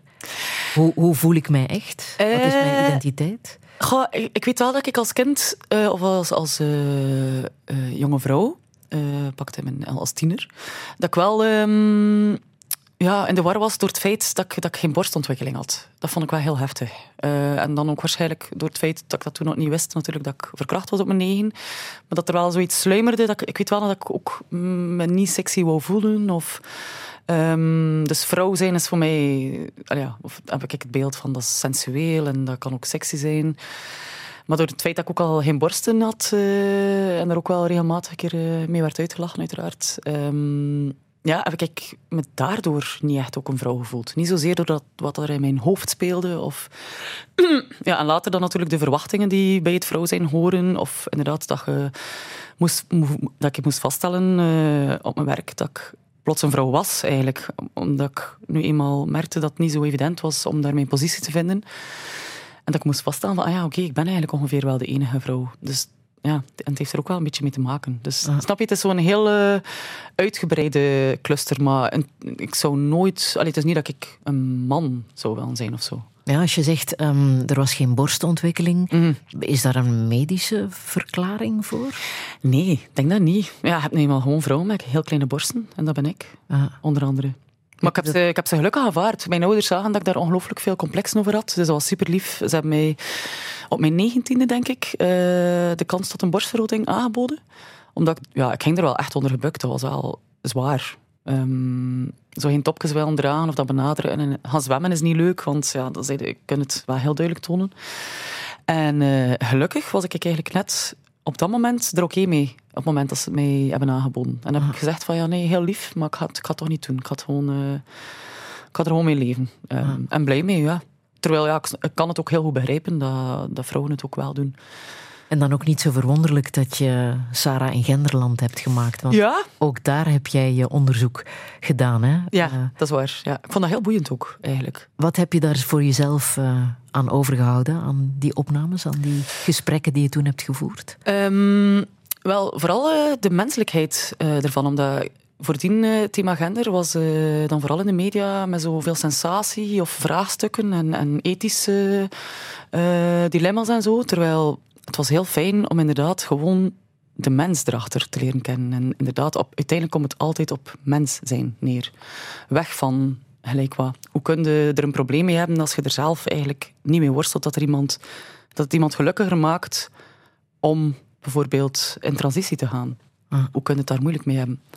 Je bent toen ook bij iemand langs geweest ehm, om bijvoorbeeld valse borsten uit te proberen. Ja. Eh, Ja, en toen wist ik ook heel hard dat het een heel goede zaak was geweest dat ik eh, de borstvergroting niet was gedaan. Ja, Ja. ja. dat past niet bij mij. je hebt ook een valse piemel uitgeprobeerd. hè? Dat past dat wel. Daar heb ik nu wel spijt Ja. van. eh, nee, nee. Eh, ja, het was speciaal. Ik vond het wel heel intrigerend eigenlijk. Hoe dat je inderdaad... In het begin was het ongemakkelijk, maar ja, ik stond er natuurlijk zeker tien minuten mee. En zeker als ik dan zelf de beelden zie, hoe snel dat je toch je lichaam en je gedrag eigenlijk wel aan de piemel aanpast of zo. Aha. Ik begon zo meer gezag uit te stralen en zo wat eh, te wiegen op mijn heupen. En, eh, ja, snap je wat ik bedoel? Zo Ja, ja, autoriteitsfiguur kwam in mij een beetje naar boven. Door de piemel. Ehm was ik intrigerend eigenlijk. Ja. Maar het was voor jou misschien geen. Eh, ja, hoe moet ik het zeggen? Het heeft jou niet eh, doen beslissen van ik, ik moet hier misschien ook wel eens een. Nee, totaal maken. Nee, nee, nee. nee. Het Nee. was eerder een bevestiging. Ik Een ben- bevestiging ben en ik, ik begrijp het ook heel hard. Ja, natuurlijk zijn er nog dingen die moeten onderzocht worden. En dat, zij zijn de eerste, de mensen, de specialisten die daarmee bezig zijn om dat te erkennen ook. Dat er nog heel veel onderzoek moet gebeuren. Maar ehm, ik kan wel begrip tonen voor de mensen die worstelen en hoe vreselijk moeilijk dat dan moet zijn. Ja. Dat kan ik mij voorstellen. En dan, dat heeft voor mij prioriteit op eh, onderzoek. Om dan al dat ondertussen te verwerpen totdat we het allemaal weten, daar, daar kan ik helemaal niet mee akkoord gaan. Maar het is ook de maatschappij hè, die er nog altijd om vraagt om eh, je kenbaar te maken als Ja. man, vrouw, X. Ja. Terwijl er nog zoveel tussen zit. Tuurlijk, absoluut. Het is, een, het is zo breed spectrum. Als in, ik spreek ook niet over mezelf. Sarah, ik ben een vrouw of zo.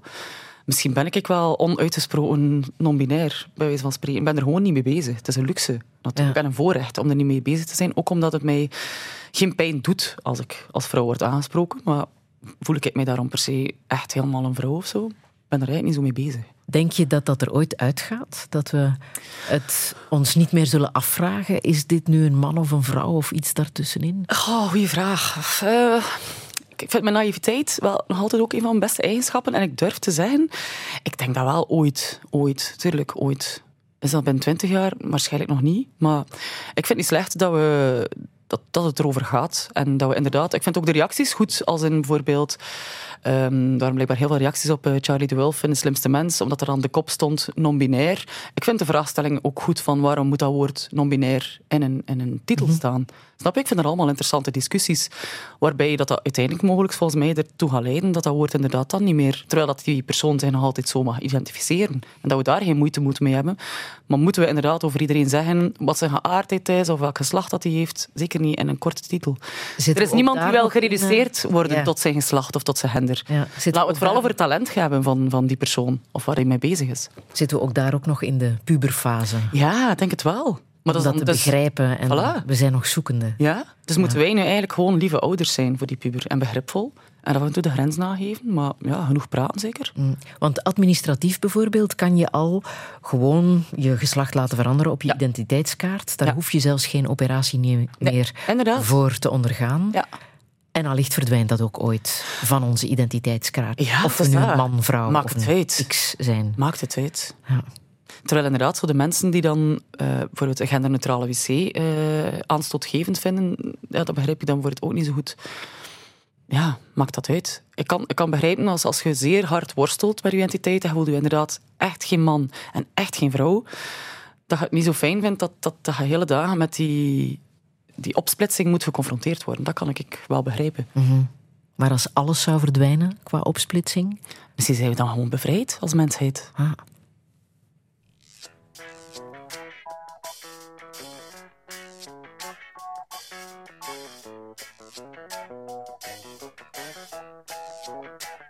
Marie-Lou danse reggae, ouvrir baguette et prodiguer, salutations distinguées de petits serpents catanguais. Quand Marie-Lou danse reggae, sur Marie-Lou passer à guet, beaucoup caresses et spermatozoïdes aux aguets. Quand Marie-Lou danse reggae, au bord climax faire le guet. Changer vitesse, changer braquet et décoller avion breguet. Quand Marie-Lou danse reggae, elle et moi plaisir conjugué. En Marie-Lou, moi seringué, faire mousser en meringué.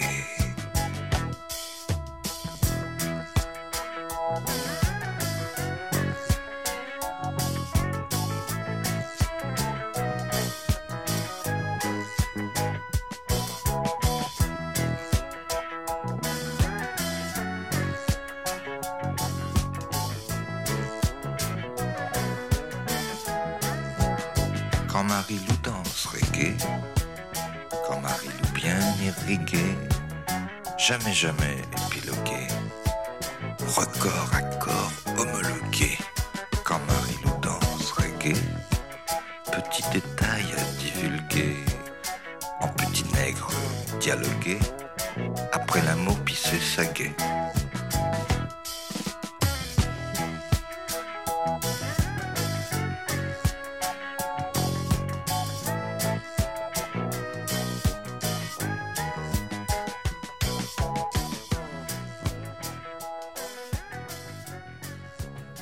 Serge Gainsbourg en Marilou Reggae, Sarah van Deurzen, dat was zo met platen uit de jaren 70, die faden weg na twee minuten. Ja, wat is daarmee gebeurd met het concept? Heeft iedereen plots besloten, wat we gaan dat niet meer doen? Nee, blijkbaar. Ik vind dat tof. Ja. Misschien niet zo radiovriendelijk, maar ik, vind dat, ik apprecieer dat wel. Marilou Reggae? Oui. Oui. Ouais. Et pourquoi? Parce que ma fille... Nee, mijn dochter eh, heet Marilou. Eh, eigenlijk ook gebaseerd... eh, dat komt eigenlijk uit een conceptplaat van eh, Serge Gainsbourg. eh, eh, L'homme à tête de chou. En ja, dat is een totale ode aan Marilou. En ook soms een keer een stek naar Marilou van Gainsbourg. En ja, ik was compleet weg van die naam. Eh, en, haar vader dus ook. En dan hebben wij zelfs de cd als geboortekaartje met iedereen meegegeven. Eh, Marilou Mouton. Prachtige naam. En hoe oud is ze nu? 15? 15. Ja. Ja. Ja, een heel interessante leeftijd eigenlijk. Eh, ja, heel En wat voor meisje is het geworden? Goh, hoe moet ik dat omschrijven? Eh, ja, ze is heel grappig. Ehm, ze komt voor zichzelf op. Ehm, ze is ook gevoelig. Ehm, heel slim. Eh goh, wat moet ik daar nog over zeggen? Is aan het luisteren. Eh, nee, ze is aan het studeren, hoop ik. Nee, ze zit op dit moment bijles wiskunde te volgen. Dus anders zou ik... eh, ja, anders, dit vindt ze cringe. Eh, maar herkent, herken jij jezelf in je dochter? ja, zeker wel. Zeker wel. Ja. ja, toch wel. Ja, we hebben eigenlijk ook wel echt een goede band. En het is heel fijn om, om te zien dat de, de, naar mijn gevoel, de zwaarste lasten van de puberteit, zoals zijn gepasseerd. Heb ik de indruk. Zo de, de puberteit begint alsmaar vroeger bij meisjes. En ik weet nog hoe, rond daar 10, 11 was het echt eh, een existentieel eh, zwaar lijden. Van ik wil niet meer bestaan. En dat was wel echt heel heftig. Hoe ga je daar dan gaan. mee om? Als Ja, dat moeder? is, dat is vreselijk. Als een, alles vervalt in niets. Hè. Als er iets met uw kind is, dat is mijn enige kind. Ja, dan maakt de rest ook niets meer uit. Eh, je wilt dat, ja, de lijden wegnemen, maar dat kun je natuurlijk niet. Dus eh, ja, daar vooral een beetje naar luisteren heb ik proberen doen. En duidelijk maken van dat, inderdaad, dat ik het kan begrijpen dat het heel zwaar is. En, en dat ik het ook heb meegemaakt. En, en, eh, dus de erkenning geven. En, en ja, dat het ooit beter wordt. Eh, En was dat voldoende voor haar? Goh, niet altijd natuurlijk, maar meer kun je niet doen. Mhm. Die zat natuurlijk met een kwaadheid en die liet ons dan ook natuurlijk niet te veel toe eh, om zo'n gesprekken te voeren. Maar ja, we zijn dat wel blijven zeggen. En, En een kwaadheid ook? Onder kwaadheid zit vaak verdriet natuurlijk. Eh, ja, ik denk dat ze ook wel een beetje geworsteld heeft met het feit dat wij eh, uit elkaar waren. Ik dacht altijd, ehm, doordat zij negen maanden was, toen haar vader en ik uit elkaar gingen, dat ze daar minder verdriet zou over hebben, omdat dat ze het nooit heeft meegemaakt. Dat ze er eigenlijk geen herinneringen aan heeft. Maar heb er dan eh, eh, rond haar zeven of acht jaar een keer heel goed gesprek met haar over gehad. En toen kwam wel naar voren dat ze dat net ook moeilijk vond, of, of omdat ze daar ook net geen herinneringen aan heeft ehm, aan ons samen zijn. Dus dat dat voor haar een heel moeilijk te vatten concept is. Of eh, omdat ze dat bij vriendinnetjes, waarbij dat de ouders dan uit elkaar gaan, als die wat ouder zijn, dat die tenminste ja, weten wat het was of zo. En dat heeft zij niet gehad. Ah. En dat was wel moeilijk. Ik weet nog wel dat dat echt een heel moeilijke keuze was om te maken, ook net om die reden. Eh, het idee dat ik mijn dochter nooit eh, een reis met haar beide ouders ging kunnen geven, wat ik zelf eh, als kind fantastisch de, de, de leukste momenten vond met mijn ouders, eh, op reis gaan. Ja, haar dat ontnemen en ja, dat was echt wel niet zo gemakkelijk. Maar ik wist ook van dat ik niet ging kunnen leven met het idee dat ik haar een ongelooflijke druk opleg. Door achteraf te zeggen, ja, maar we zijn wel bij, voor, me, eh, voor jou bij elkaar gebleven. Het idee dat je daar je kind mee opzadelt, met die verantwoordelijkheid. En dan eigenlijk de boodschap krijgen, dus onrechtstreeks door jou ben ik echt wel ongelukkig gebleven. Ja, snap je? Dat, dat was voor mij dan nog duizend keer erger. Ehm, dat dat volgens mij nog belastender is voor een kind om die verantwoordelijkheid te krijgen, eh, dan gewoon aan te leren van kijk, hebt, het, je hebt de mogelijkheid om uit een relatie te stappen als het niet juist voelt. En je hebt het recht om te zoeken naar liefde en daar te blijven aan zoeken totdat je het hebt gevonden. En dat vond ik een veel belangrijkere les eh, om aan mijn dochter mee te geven dan, dan ja, voor haar in een relatie te blijven waarin dat ik niet gelukkig was. Je was 24 hè, toen Ja. je moeder werd. Ja. En niet meteen gepland. Totaal niet gepland, dus inderdaad. Ja, dat was even... eh, ja, net omdat ik nog in een jetlag van Amerika zat en de, de trouwen aan het verwerken.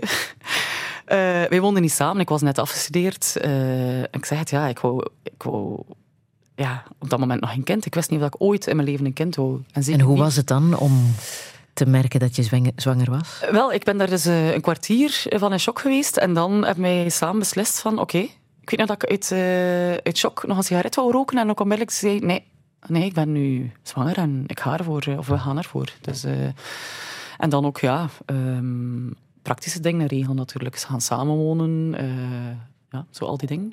En ontzettend blij dat ik die keuze heb gemaakt. Dat is absoluut by far de beste keuze in mijn leven dat ik ooit heb gemaakt. Ja, kan je Ja. zeggen waarom?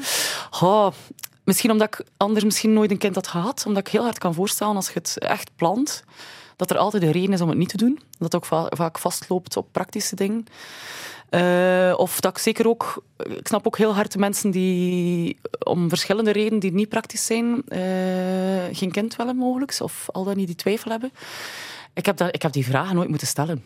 Ik ben daarin gesmeten en ehm, dat is daardoor heel goed geweest voor mij. En ook net omdat ik heel destructief was, eigenlijk heel lang.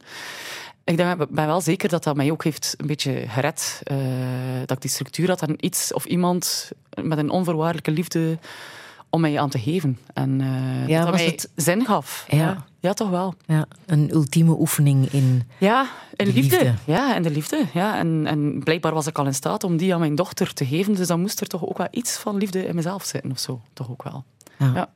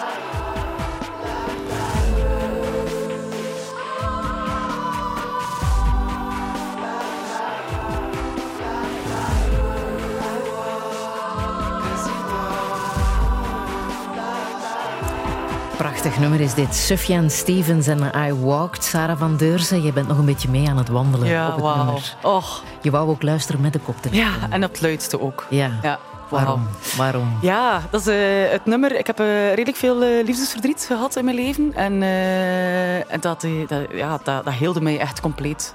Die man en zijn tekst, de manier waarop hij het brengt. ja, dat Dat hoor was plaatsvervangend. eh, Ja? ja? plaatsvervangend. eh, ik kon daarin heel veel lijden kwijt. Heel veel aan luisteren, meezingen, meeroepen, op de vloer gaan liggen. En oh, ja, wauw. Ben je zo wat een, een eh, drama queen geweest in de liefde? Eh, ja, zeker. Totaal. Ja. Ik, ja, ik heb al een aanleg voor pathos. Ik, vind daar, ik ben daar eigenlijk best wel fan van. Ik vind dat, ik vind dat goed. En wat, wat deed je dan? Eh, goh, ja, dramatisch zijn. Ook altijd voor de onmogelijke liefde kiezen. Ja, omdat ik uiteraard er nog niet klaar voor was. Ja, romantisch zijn, heel, heel- cassettes maken. Ik weet nog dat ik ooit verliefd was op een, een leerkracht op school. En die was eigenlijk eh, overduidelijk homo. Maar toch, ik wou dat niet laten doordringen. En ehm, dan eh, heb ik daar een cassetje voor gemaakt. eh, en zo een roze keer gaan geven en zo. En echt, ik, ja, ik ging daar volledig in op.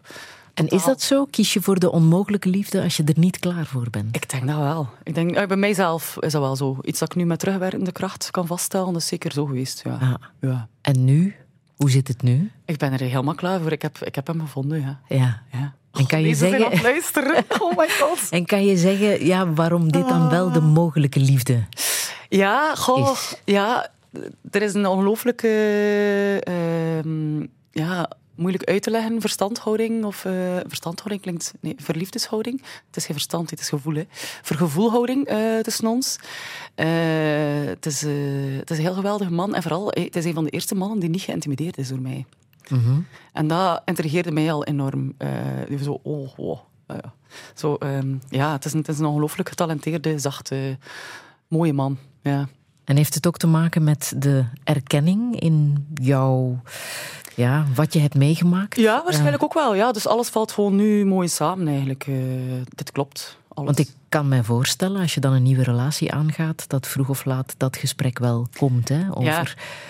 De verkrachting die je hebt meegemaakt op je negende. Ja, ja die, heeft dat, die heeft dat keihard meegemaakt. Hè. Heel dat proces van die therapie vorig jaar. Hè. Die, die heeft heel zwaar eh, dat van dichtbij moeten meemaken en de verschillende fases. eh.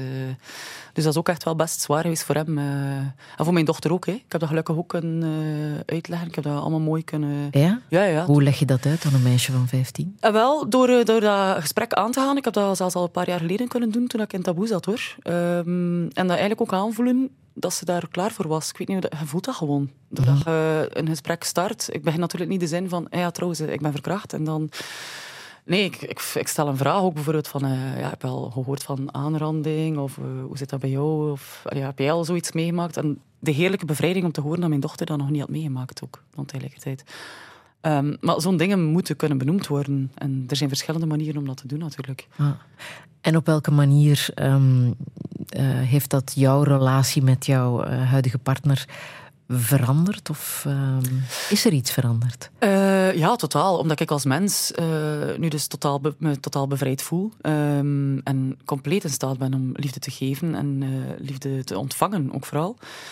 En omdat ik de juiste dingen nu kan relativeren. Ik ga me nu niet meer, wat ik daarnet benoemde, als een irrationeel opwinden iets of compleet te rap getriggerd, dat heb ik niet meer. Wat uiteraard resulteert in, in een ongelooflijk veel meer harmonieuze, fijne relatie. Ja, Ja. Ik ben helemaal mezelf. Hij heeft mij op het lelijkst gezien, op het allerlelijkste. En hij houdt nog altijd van mij. De zelfhaat is veranderd in zelfliefde? Ja, totaal. Ja. Ongeacht dat dat blijkbaar ook een woord is waar dat dan ook wel smalend wordt over gedaan in onze maatschappij. Zelfliefde en self-care en self-love. Maar goed, al goed dat Nederlands is. Zelfliefde. Maar eh, ja, ik kan dat zeggen en ik ben heel blij. Allee, ik ben ook nog altijd kritisch tegenover mezelf. Ik vind niet alles wat ik doe fantastisch. Maar ook dat is een deel van liefde, namelijk dat toelaten bij jezelf. Dat je ook niet in alles moet excelleren of constant de juiste dingen doen. Ik ga nog veel fouten maken. Wat vind je dan- nu nog werkpuntjes bij jezelf? Ah, goh, werkpuntjes bij mezelf. Ehm goh, maar is dat zo'n moeilijke vraag? Ehm Als je zegt, goh. ik maak nog altijd fouten. Ja, maar nee, dat is net geen werkpuntje. Ik vind dat net iets dat ik, dat ik ga blijven doen. Mhm. Ja, want anders zijn je niet goed bezig. Het is tegen dat je dan onderweg bent naar iets en dat je iets aangaat. Dat er dan een fout op je pad komt. En dan is het nog altijd heel gemakkelijk om daar sorry voor te zeggen als je dat voelt. Dus eh, nee, dat, dat zie ik echt niet als... eh, daar ben ik niet bang voor. Maar het is toch wel heftig om te horen wat voor een mentale ravage een, een verkrachting kan eh, veroorzaken hè, bij iemand. Ja. En hoe weinig dat wij daar misschien ook bij stilstaan. Ja, en daarom ik heb het wel moeilijk door nu zelf een dochter te hebben van 15. En ik heb nog recent ook een verhaal gehoord van eh, een vriendin van mij, dat haar dochter op haar 18 jaar eh, verkracht is geweest. Aangegeven bij de politie. politie wist ervan dat er zelfs meerdere voorvallen al wa- waren geweest door dezelfde kerel. En die is niet gestraft. En daar word ik, word ik ongelooflijk ehm, ongelukkig en woest van. Omdat inderdaad mensen onderschatten... Nee, alhoewel, dat mede dankzij God vergeten minder. Ik denk dat dat, programma op dat vlak een enorme impact heeft gehad, gelukkig. Maar een mensenleven, dat is, het is het meest vernederende dat je kunt tegenkomen in je leven, denk ik. En het idee dat, dat, dat je daarmee weg kunt komen en dat daar nog een ongelooflijke straffeloosheid op staat, dat krijg ik niet uitgelegd aan mijn 15-jarige dochter. Want wat weet jij over jouw dader? Weinig. Ik weet, eh, dus vier jaar later eh, had ik plots gehoord, ik denk doordat mijn ouders dat zeiden, of had ik het gehoord op de radio, ik weet het niet. Dus eh, vier jaar daarna was er nieuws dat, die, dat er een pedofiel was gecirculeerd in Brugge. Ehm, en daarmee is dat dus even wel bovengekomen. dan van, ah ja, wow, dat was dat. Maar of dat hij dan uiteindelijk gestraft geweest is, of wat daar, dat heb ik eigenlijk nooit geweten. Ah. Geen idee. Zou het jou kunnen geholpen hebben om een gesprek met de dader te hebben? Ehm, ja, daarom niet. Ja, ik denk het wel. Omdat zelfs niet per se een gesprek, al was het maar dat ik het recht had om een monoloog te voeren of een speech waarbij ik aangaf wat, wat voor impact dat dat allemaal had gehad op mij. Denk, ik weet niet of ik ging openstaan voor een gesprek. Het ging zeker begonnen zijn met een monoloog. Ehm, dat zou wel een bepaalde bevrijding eh, geven. Maar ik kan er nu even goed. Allee, ik heb er nu geen last van per se, eh, maar dat ik, me, dat ik het in plaats heb kunnen geven en dat grotendeels verwerkt is, heb ik nu die nood ook niet meer. Dus ik ben er niet kwaad over. Of ik voel daar nu niets bij dat ik dat niet heb kunnen doen. Maar ik weet wel dat mij toen zeker had kunnen helpen.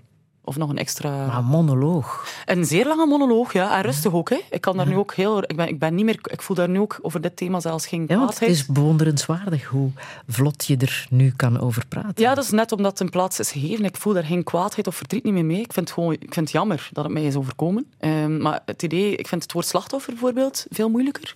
Of het idee dat mensen mij nu zouden reduceren tot dat gegeven dat ik dat heb meegemaakt, vind ik bijvoorbeeld veel moeilijker om mee om te gaan. Omdat een slachtoffer zijn kiezen niet voor. Je wordt erin geduwd. Dat is een zeer gelaten positie.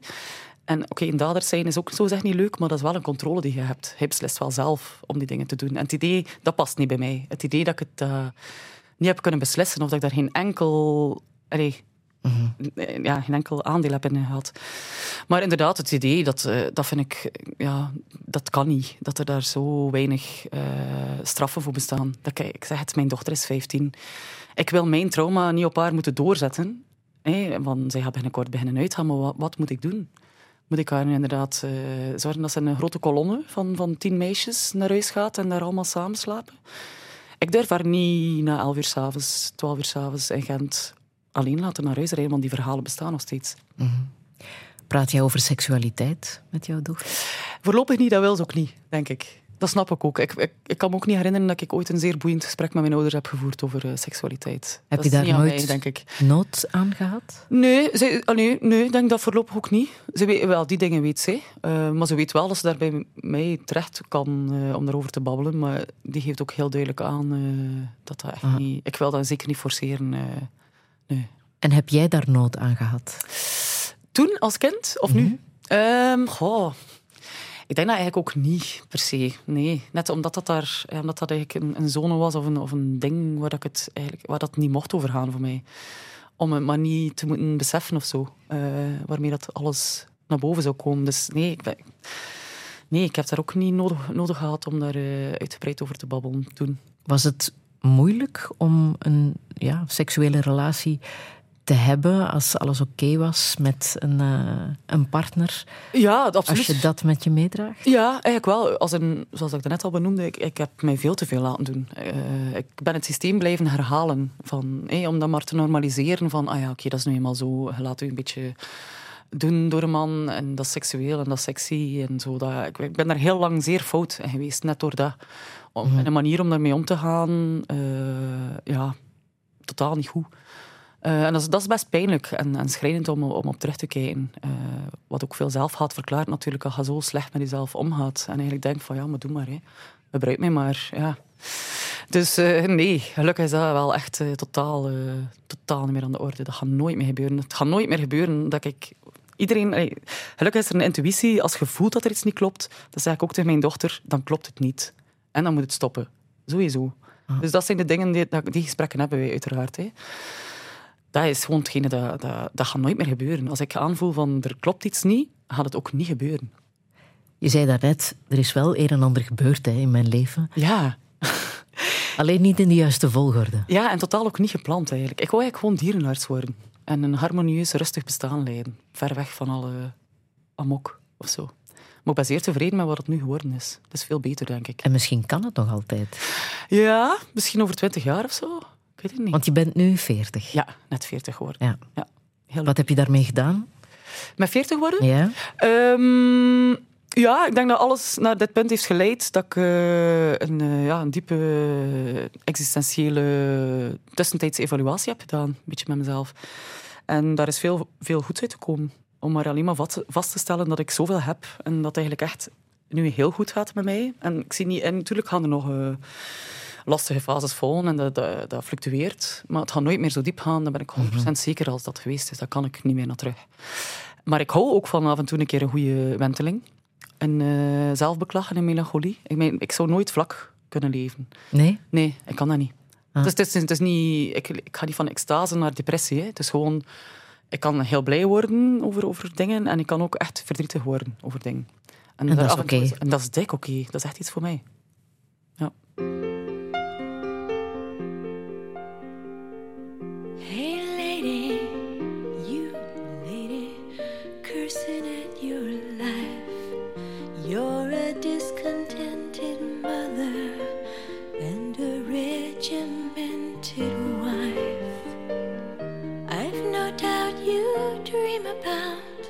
The things you'll never do, but I wish someone had talked to me like I wanna talk to you.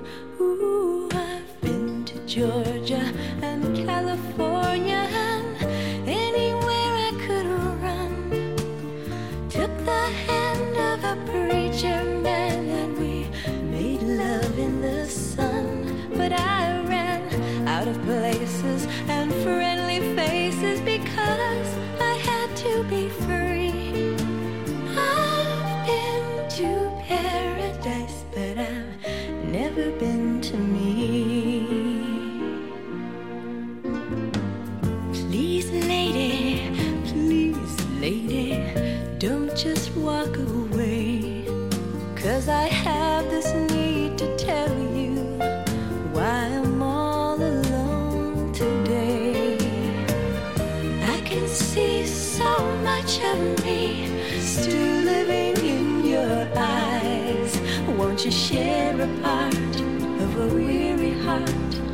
has lived a million lives?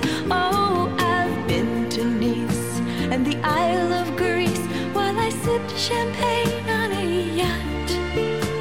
I moved like Harlow in Monte Carlo and showed 'em what I've got. I've been undressed by kings and I've seen some things that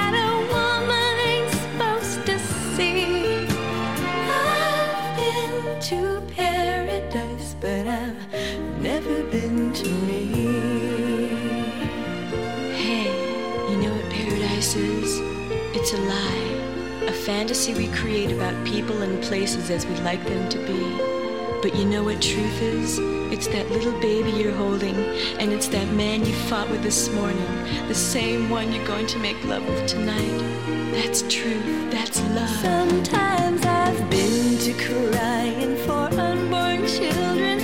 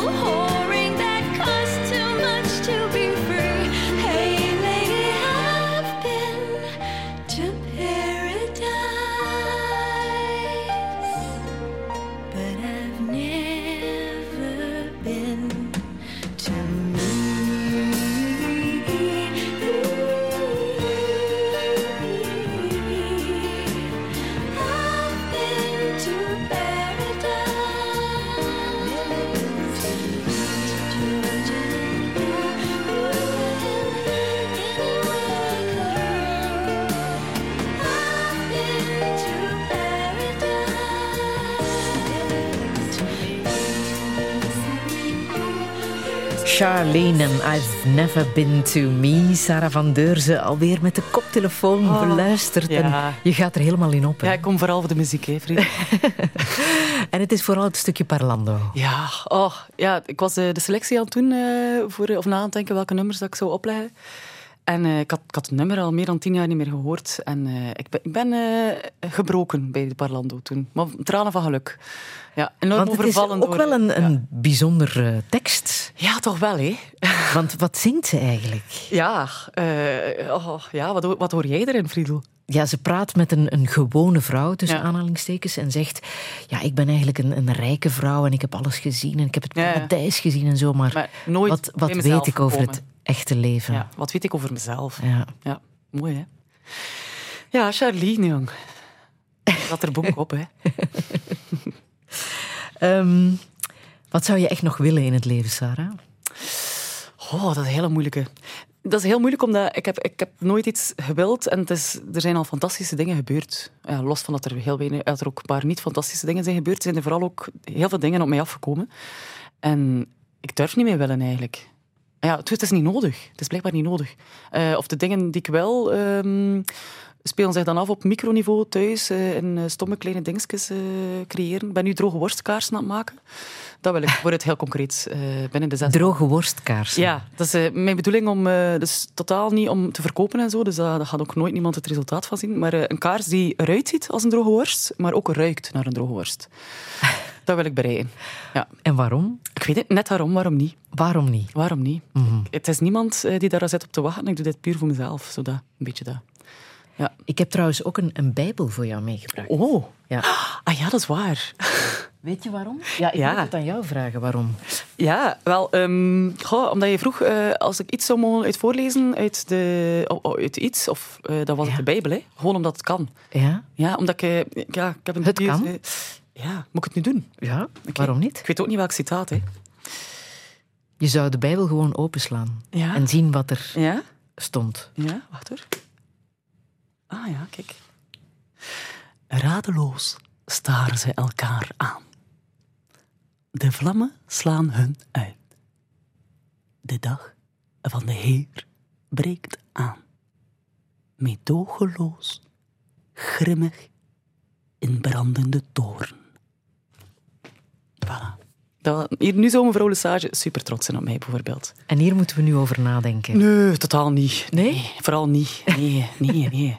Ja, nee, ik, ik, eh, ja, nee. Maar toch? Religie is iets heel moeilijk. Ja, vind ik, Ja? ja? ik weet nog dat ik bang was als kind van, van God. En eh, ik heb op een katholieke school gezeten en eh, ik heb daar geen fijne gevoelens mee kunnen linken met, met religie, eigenlijk. Wat heb je snap daar dan wel aan overgehouden? eh, irritatie en, en totaal wantrouwen, eh, ook in de kerk en, en de Bijbel. En... Nee, ik snap het concept, hè, als in, inderdaad, dat het veel mensen helpt om in iets te geloven. Daar, daar wil ik zeker geen afbreuk aan doen. Maar ehm, ja, het, eh, een God en zo, en inderdaad, hoe leg je het uit dat er zoveel miserie op de wereld is? eh, een beetje basisding. Hè. Maar ik, ik weet nog, ik denk rond mijn tiende, dat ik wel aan het bidden was. En dat ik echt dacht dat, die, dat God naar mij aan het kijken was. En dat ik me daar zeer oncomfortabel bij voelde. Ja. Is er iets anders dat jou helpt Ehm, in de plaats van het geloof? ja, ja, geloof in, in, ehm, in eh, communicatie, denk ik, in gesprekken. Ehm en het kunnen delen van, van dingen. Ehm, en ook gewoon, eh, ons brein kan heel veel. Dat geloof ik. Wij, wij, wij beseffen vaak niet genoeg wat ons brein allemaal kan. Dat we niet maar 10% of zo gebruiken. Eh, en dat we dus eigenlijk in staat zijn tot veel meer dan dat we denken, daar geloof ik in. Wat helpt om ook daar soms een beetje verder in te gaan. En niet veilig vast te blijven hangen aan iets of zo. Welke mij. boodschap wil jij hier nog meegeven? Een boodschap. Goh, ik ben zelf niet zo fan van boodschappen. Hè. Eh, tenzij dat eten en drinken is. Ehm, wacht hoor. En wel de boodschap, waarom niet? En, eh, en, en ga een gesprek aan af en toe. Stel een vraag. Als er iets uh, gerelateerd. Er is niks bedreigend dan een goed gesprek. Niks. Zullen we nog luisteren naar Falcons van Ja. Amanda Bergman? Ja, heel graag. Waarom? Eh, ja, ik word ongelooflijk gelukkig van het nummer. Het is een nummer vol hoop, eigenlijk. Voilà, de boodschap zit in dit nummer. Ja. En je beluistert het ook samen met. eh, En ze zingt ook. Never get it right. Aha. Never get it right. Dat is de boodschap.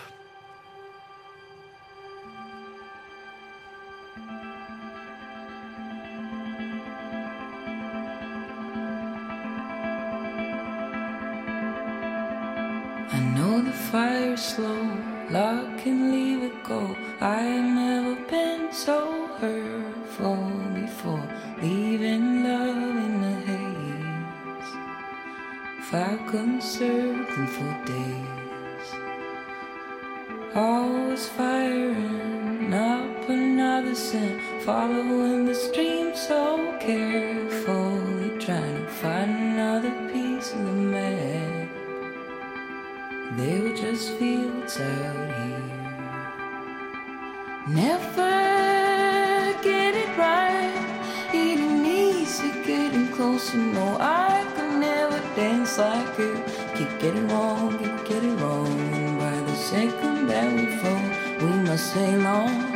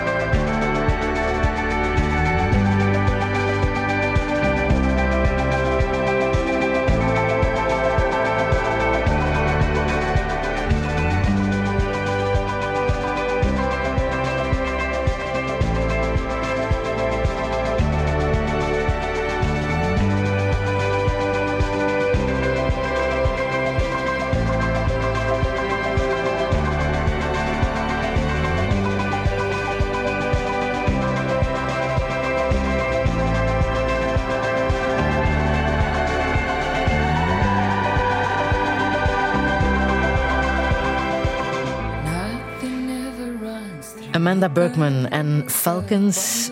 Dankzij Sarah van Deurzen. Ik wil jou hartelijk danken voor het uh, openhartige gesprek. Met heel veel plezier. Ik wil jou, wil jou ook uh, heel hard bedanken. Het heeft mij ook deugd gedaan. Ja, ik ja. merk het. Ja. het is, uh... moest eruit en nu moet ik het, wil ik het er niet meer over hebben eigenlijk. Dankjewel. Fijne zondag nog. Hetzelfde. Heb je iets gemist? Je kan Touché herbeluisteren in de app van VRT Max.